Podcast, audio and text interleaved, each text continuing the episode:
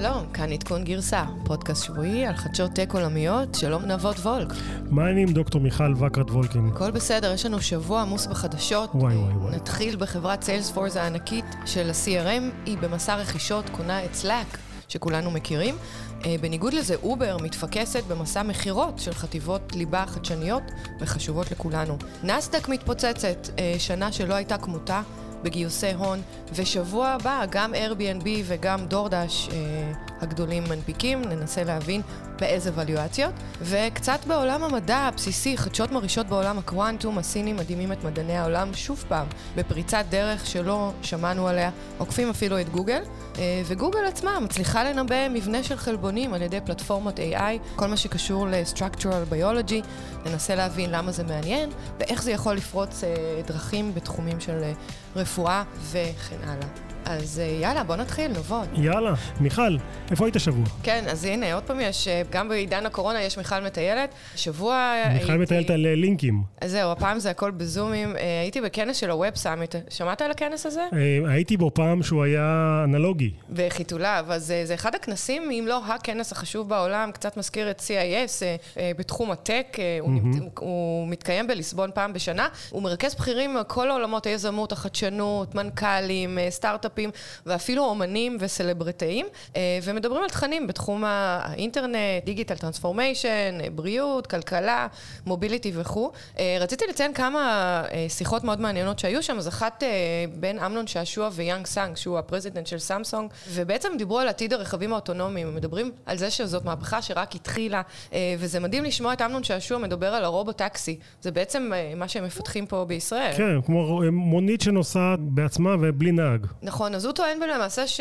שהמודל העסקי של הרובוטקסי הוא בעצם אה, רק קפיצת מדרגה, איזשהו סטפ בדרך בעצם לרכבים אוטונומיים פרטיים שלכל אחד אה, אה, מאיתנו יהיה. הוא טוען שכרגע זה המודל העסקי המשתלם, בגלל שמכוניות אוטונומיות הן כל כך יקרות, כל הציוד של הליידרים והלייזרים והמצלמות וכן הלאה וכן הלאה. אז בעצם לא שווה להשקיע את זה ברכב ש-90% מהזמן בעצם לא נוסע, אלא משהו שנוסע כל הזמן כזה. בדיוק, שזה אחת הסיבות שהם עשו גם את הרכישה של מוביט, כי הם כן. רוצים לנסות לנסות לנבא מה הצרכים של אנשים ב ride hailing, בתנועה של אנשים אה, על פני בעיר. תגידי, וה robot taxi נוסעים מסלול קבוע ש... זהו, אז זו שאלה מצוינת, זה גם אחת הסיבות, והוא דיבר על זה, בעצם ה autonomous cars הם עדיין לא בטוחים ב-100%.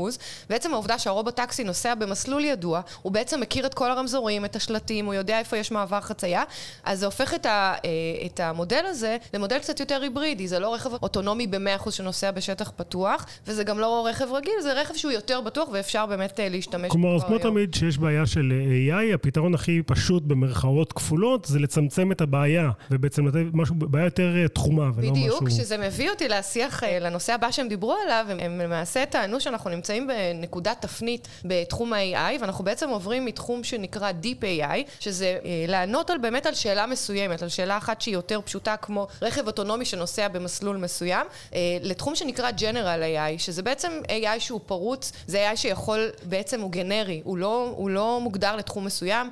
אה, הטבלאות או כל הדאטה, הסט של הדאטה, הם לא צריכים להיות labeled, הם, הם לא מתויגים, ובעצם אה, ה-AI שהוא ג'נריק יכול לפתור כל בעיה שהיא. ואנחנו היום נמצאים בעולם במפנה הזה, הוא דיבר על חברה אה, AI21 Labs. וואלה, אה, חברה שהוא שותף בה. כן, הוא טען שהוא founder שם, הוא גם כן, שם כן. שם 25 מיליון דולר, אם אני לא טועה. לא, לא הכסף שלו, החברה גייסה עכשיו 25 מיליון לא, דולר. לא, אבל הוא גם שם, הוא שם המון כסף. הוא שם המון כסף? לפחות חמישה, אם לא כן, יותר. כן, טוב, יש לו כסף, הכל טוב. והוא ויואב שוהם, אה, אה, הפרופסור לשעבר מסטנפורד, שבעצם הקים את החברה יחד איתו, זאת אומרת, שעשוע הצטרף אליו. זה היה, זה היה שיח מאוד ממש מרתק. עוד בנושא mobility, המנכ"ל של מרצדס, של דיימלר, דיבר ב Web Summit, ובעצם הוא טוען שהאוטו הוא הטלפון הנוסע החדש, מבחינת יכול יכולת לתת שירותים, ובאמת לתת לבן אדם להרגיש שהרכב מרגיש אותו. זה היה מדהים איך הוא דיבר בצורה מאוד מאוד emotional, אה, מאוד רגשית. אפרופו, לא יודעת אם אתה זוכר על הכתבה שעמיתי זיו עשה על... עליי, עליי, כן.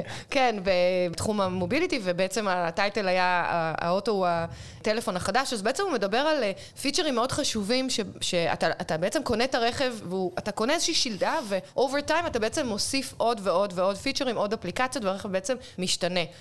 זה בעצם מודל עסקי חדש, דיימלר בעצם תיתן לך רכב כמו שאתה קונה טלפון, ותעבוד על איזשהו SaaS service, שכל חודש היא תיקח ממך עוד כסף על... אני חושב שגם בטסלה מדברים על מודלים דברים כאלה, זה לא שדיימלר אה, ממציאים אותם. נכון, אבל טסלה באמת היו חדשנים ופורצי דרך ועשו הכל לבד, ועכשיו דיימלר, שבדרך כלל עבדו עם שותפים, מצטרפים, וואלה. ובעצם אה, הוא אומר שהם מקימים את המערכת ה-OS, Operating System, שלהם. זאת אומרת, זה לא יהיה שייך לא לגוגל ולא לאפל, זה, זה OS שלהם, שיהיה המוח של המכונית, והוא דיבר הרבה על IoT, איך אתה יכול להפעיל כל מיני סנסורים בבית ובכביש, ולעשות כל מיני דברים בעצם מהרכב עצמו שמחובר, חיבוריות. טוב, לא יודע, מיכל, אני אגיד לך את האמת, אני שומע את הסיפורים האלה על הרכב כבר אה, לא יודע כמה שנים, מאז שאני הייתי מבקר ב-CES, שבערך, לא יודע, מ-2008-2009. אבל זה קורה, זה אה, קורה, ואני אגיד לך גם למה, אה, עשינו פרק מיוחד על 5G, עצם העובדה שאתה יכול להיות מחובר. הרכב יכול להיות מחובר בצורה הרבה יותר, עם bandwidth הרבה יותר רחב, בצורה הרבה יותר יעילה, וגם בצורה שיכולה לגרום לרכב להיות יותר בטוח. אז בוא נאמר... החיבור של הרכב אה, כדי לדעת אם אה, לקחת את הדאטה, לעשות חישוביות בענן ולתת איזשהו צפי לחס וחלילה תאונת דרכים ומה הרכב צריך לעשות, אבל גם שירותים כמו AR ו-VR, כל מיני סרטים תלת-ממדיים שאתה יכול לצרוך כשאתה יושב ברכב. טוב, אני כרגע עושה אופטימיזציה בעיקר בשביל לא לשבת ברכב. זה מה שאני, חשוב לי להיות כמה שפחות ברכב, אין לי כוח.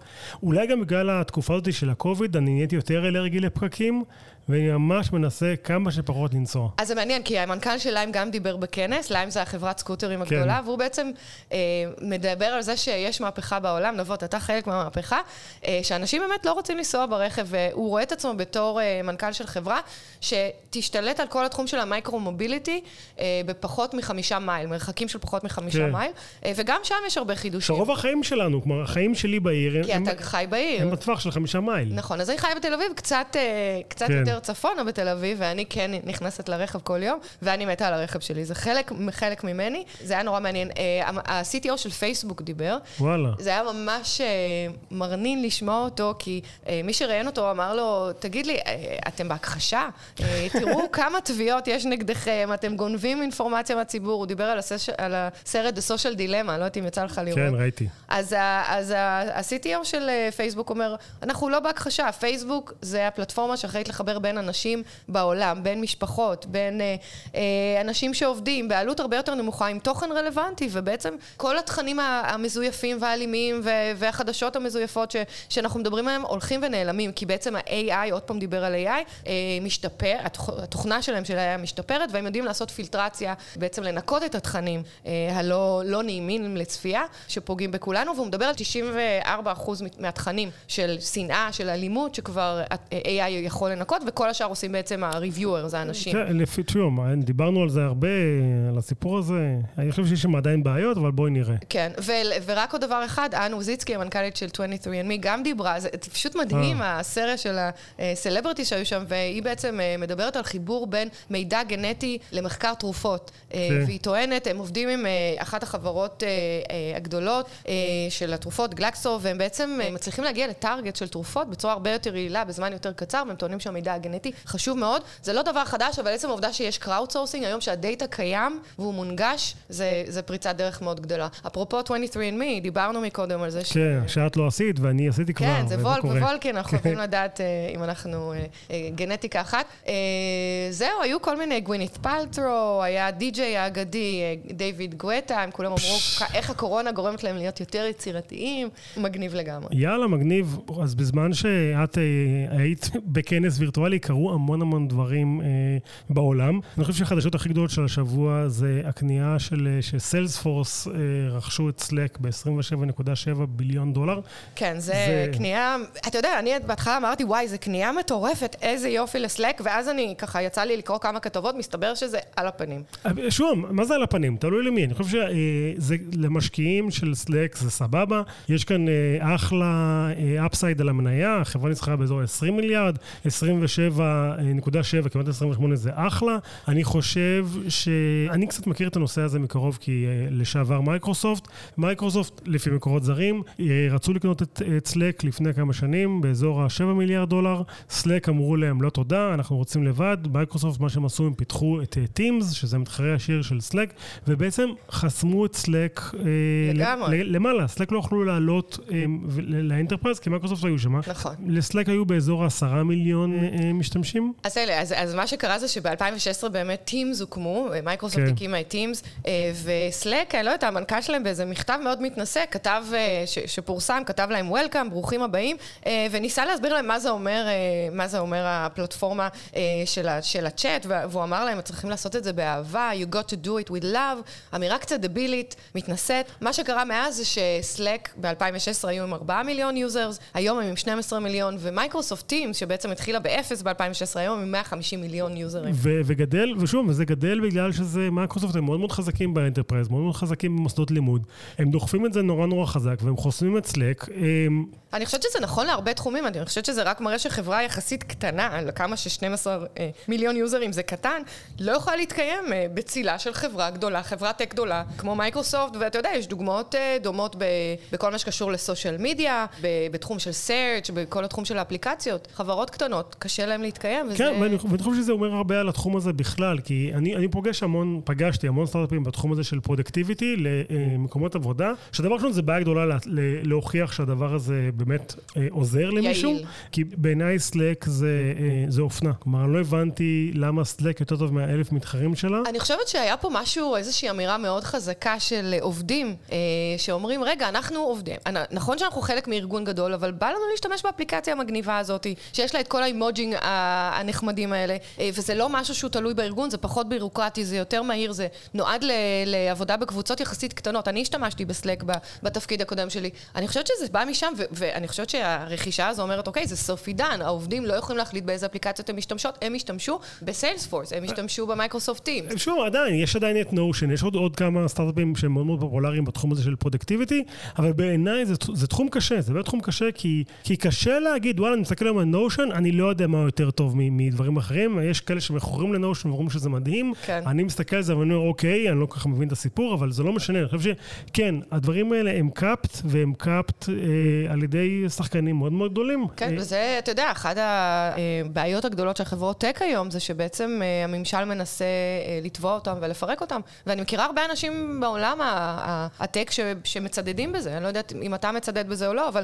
לפרק, לפרק, לא להיות גורם מאיים לחברות קטנות, לתת לשוק בעצם לצמוח ולהתפתח בכל תחום שהוא.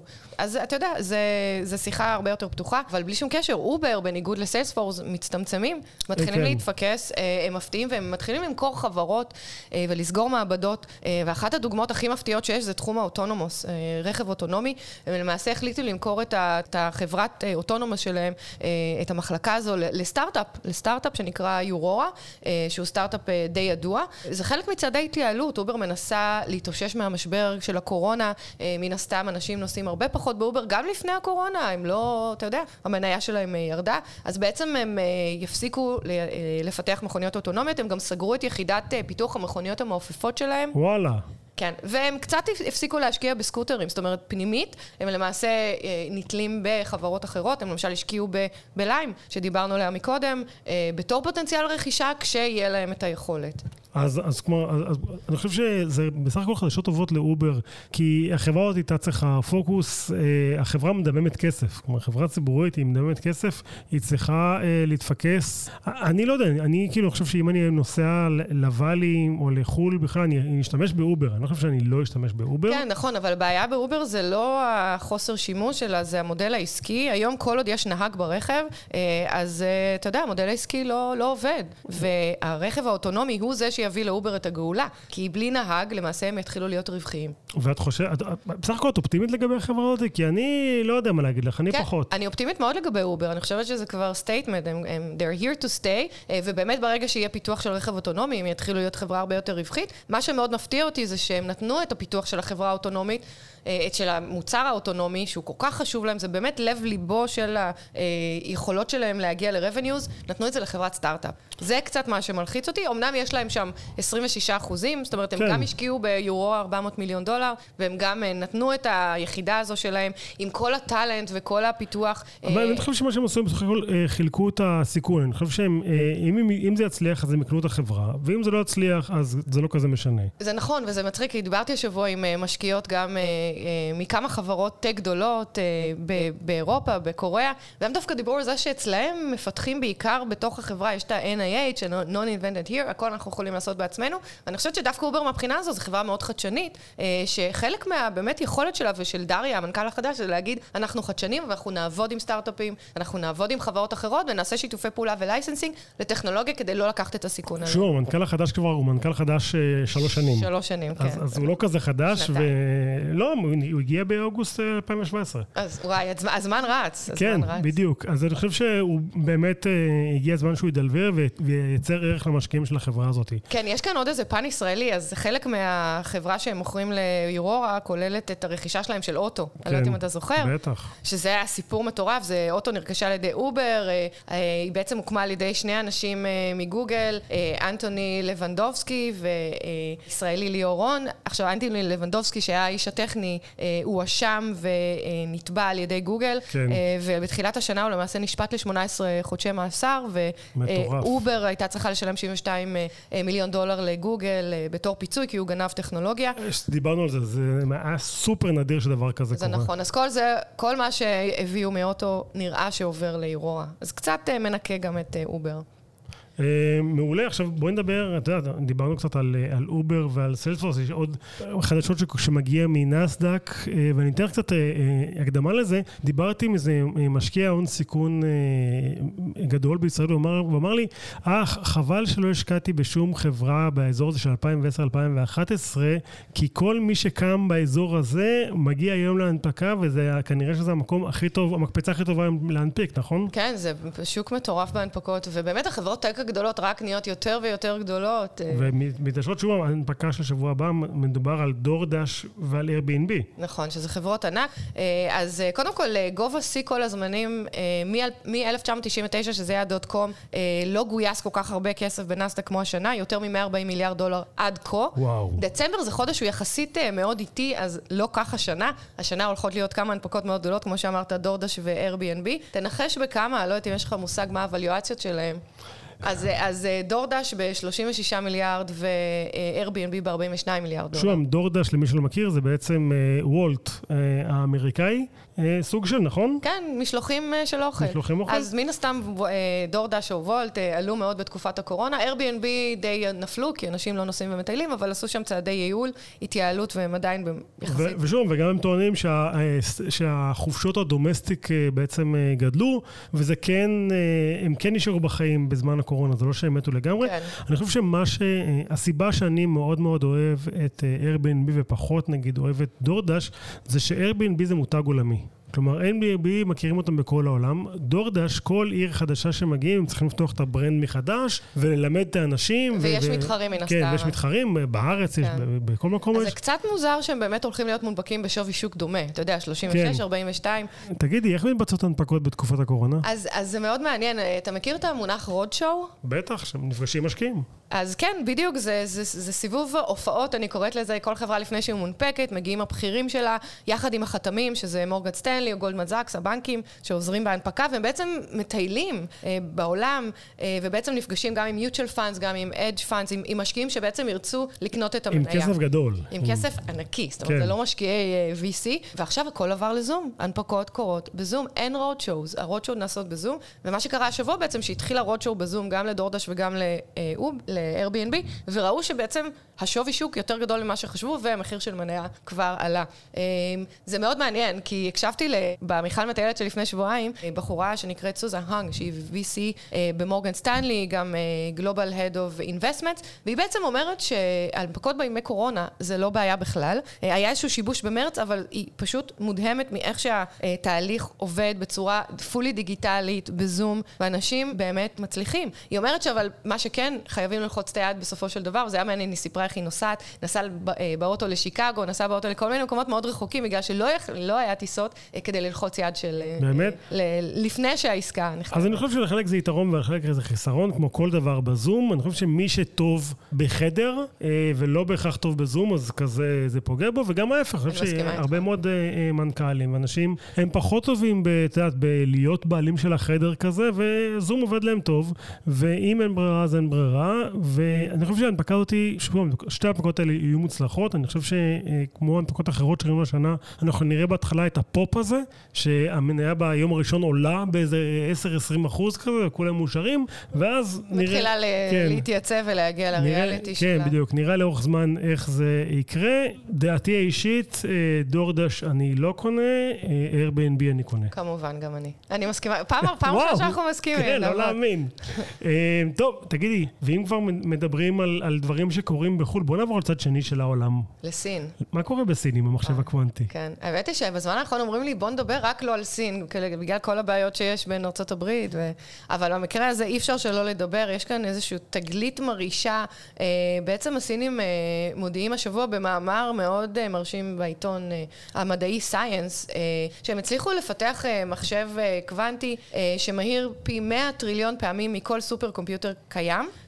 אה, הם, הם למעשה מצליחים לעשות את זה באמצעות אור, שזו טכנולוגיה של quantum computing, אה, שמתחרה לדוגמה בטכנולוגיה של גוגל, אה, שהם למעשה משתמשים ב superconductor. superconductor זה טכנולוגיה שמצריכה טמפרטורות מאוד מאוד נמוכות, זה מינוס עשרות מעלות, והסינים באים ואומרים שבאמצעות אור ופוטונים הם יכולים להגיע לפחות לאותה יעילות חישוב, אם לא יותר טובה, והם טוענים שהם יכולים להיות 100 מיליארד פעמים יותר מהירים מהמחשב, מהמחשב של גוגל, שגוגל למעשה הכריזה לפני שנה. אז מה זה אומר? מה, מה, מה, מה, מה זה אומר לי? אז תראה, קודם כל אני רוצה קצת כמה מילים על מחשב קוונטי, בלי לחפור יותר מדי למי שלא שמע את הפרקים שלנו הקודמים, אבל מחשב קוונטי זה מכונה שמאמדת נתונים, והיא באמת אה, אה, משתמשת במכניקת הקוונטים. אה, בלי להיכנס לעומק, סופר פוזיציה קוונטית ושזירה קוונטית, זה מושגים אה, מאוד ידועים, ובעצם הם משתמשים בקיוביט. קיוביט בניגוד לביט, שיש בו מצב אחד או אפס או אחד, בקיוביט יש יותר מצבים, שני, שניים,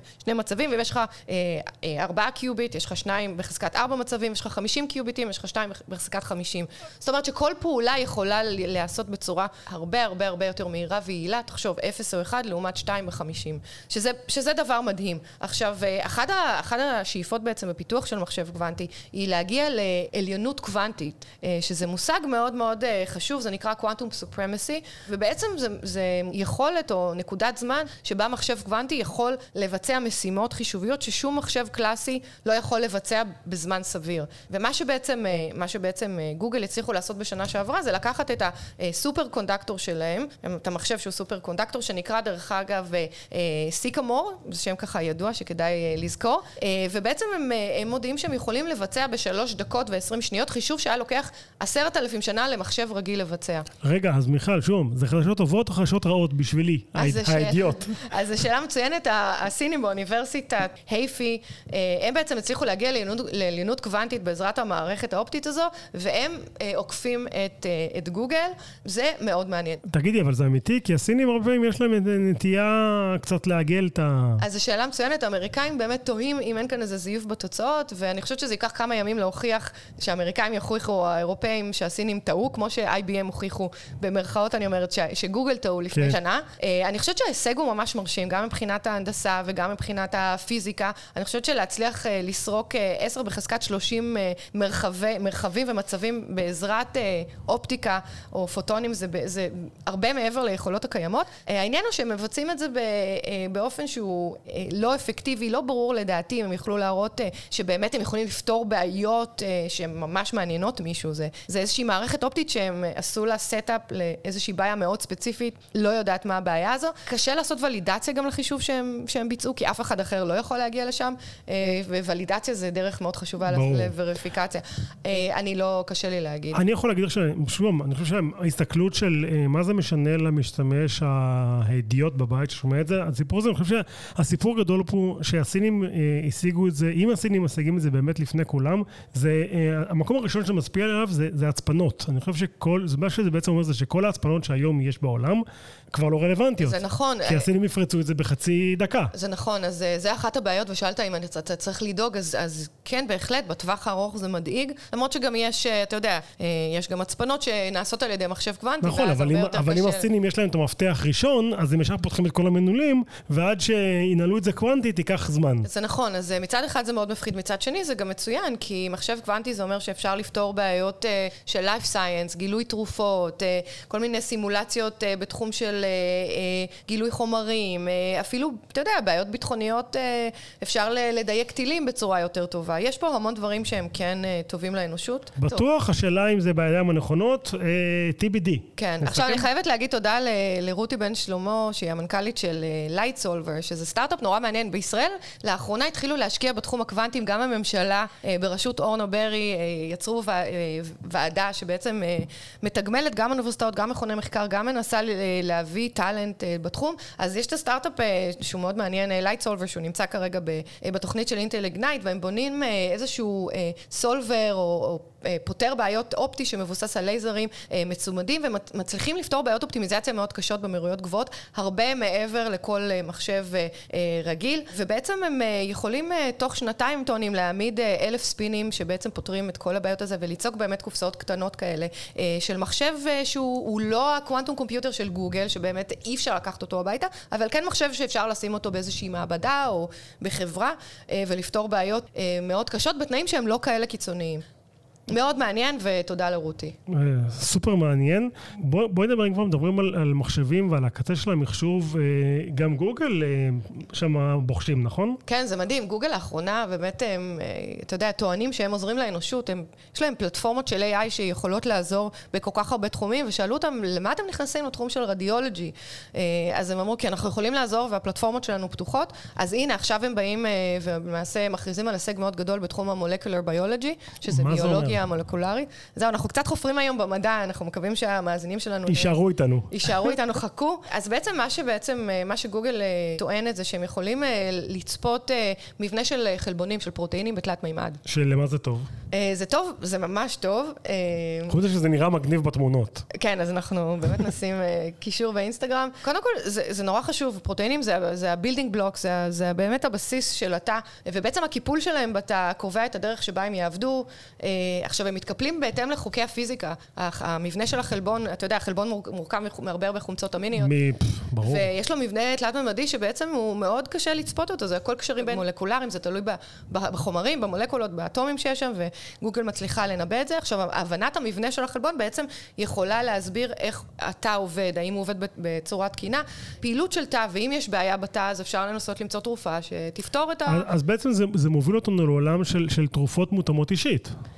מותאמות אישית, מותאמות למחלות ספציפיות, לדברים כן. יותר מסובכים. זה ה-holy grail זה שכואב הראש, סתם נותן דוגמה, אז אני ואת לא נקבל בדיוק אותו אקמול, את תקבלי אקמול מיכל, אני אקבל אקמול נבות, שמותאם אה, לנו אישית. זה נכון, ואתה יודע שעבדתי בזירוקס פארק בשנת 2000, אה, ניסינו לפתח אה, איזושהי מערכת שיכולה באמת לעשות אה, ניבוי של אה, אה, תרופות ל, לאנשים מסוימים, או personalized drug discovery. הבעיה שעד היום היה צריך, אה, כדי, כדי לאשר את הדברים האלה, להשתמש בספקטרוסקופיה, שזה בעצם אקס-ריי, ואתה יודע, דימוי של להסתכל על הפרוטאינים האלה, להבין מה המבנה שלהם, וזה לקח הרבה זמן והמון כסף, והיום גוגל בעצם באה ואומרת, הנה, אנחנו יכולים לנבא את התכונות, אנחנו יכולים לנבא את המבנה, בואו תתחילו כבר בהבנה ו- ותמצאו את התרופה, שזה הישג מדהים. אז להערכתך, מתי זה יקרה? אז הם טוענים שזה כבר קורה, אני לא שמעתי עדיין על תרופות ש...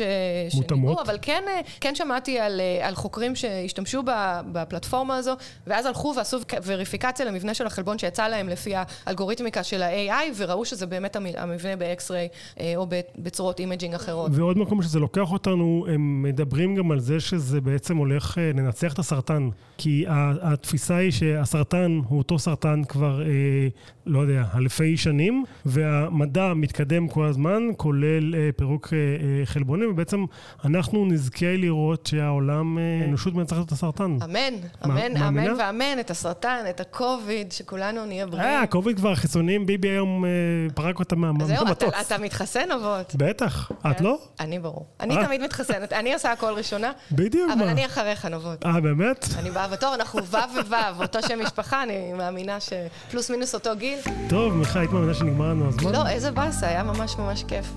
תמיד כיף לארח אותך, ותודה רבה לכולם, קודם כל לנבות וולק, שהוא גם העורך שלנו וגם התארח פה היום, לדורון רובינשטיין, לחבר'ה מגלי צה"ל. רועי. קיליקר, העורך החדש שלנו, ולוורטקס, שאנחנו נמצאים במשרדים המהממים שלהם, יום שמשי, מקומה 29, ורואים את כל הנוף של תל אביב, ואין על תל אביב.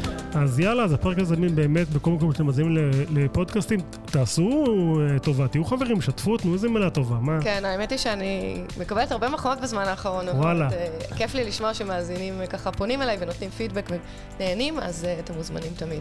יאללה, ביי. ביי.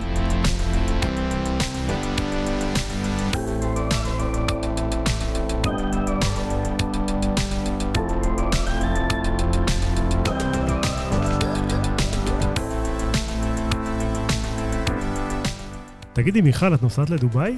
אה, אופס, אני חייבת לענות על השאלה הזו? לא, אני לא, אני היחידה בעולם, מה איתך? אני ואת היחידים כרגע בארץ, לא בדובאי. כל הפייסבוק שלי, הפיד מלא באנשים מחובקים עם גבר בשמלה בכאפיה. אז אני אגיד לך את האמת, חבר, אה, קרוב משפחה טוב שלי חזר והוא אמר, לא ראיתי... חוץ מבשוק, אף אחד עם כאפיה, זה הכל נראה כמו וגאס, זה הכל תרמית, מהמם, מקסים, מלא זהבים. אבל זה לא נראה כמו מדינה ערבית. אבל כל הפייסבוק הוא בדובאי, נכון? כן, היה השבוע איזשהו כנס. אה, אנשים, כל שבוע אה, יש כנס בדובאי. לא, אבל, אבל השבוע במיוחד נסעו מלא סטארט-אפים, אה, כן. גם חלקם שאתה מכיר. ברור. הציגו, ואתה יודע, אני כזה מדברת עם אנשים, כי היה לנו שיחת טלפון, והם בדיוק הולכים כזה בכנס, ואתה רואה מלא אנשים ומיצגים, זה מרגיש שאנחנו מפסידים, יש יאללה, פומו. מיכל, אנחנו נעשה פרק בדובאי יום אחד. יאללה, עליי. יאללה, ביי. ביי.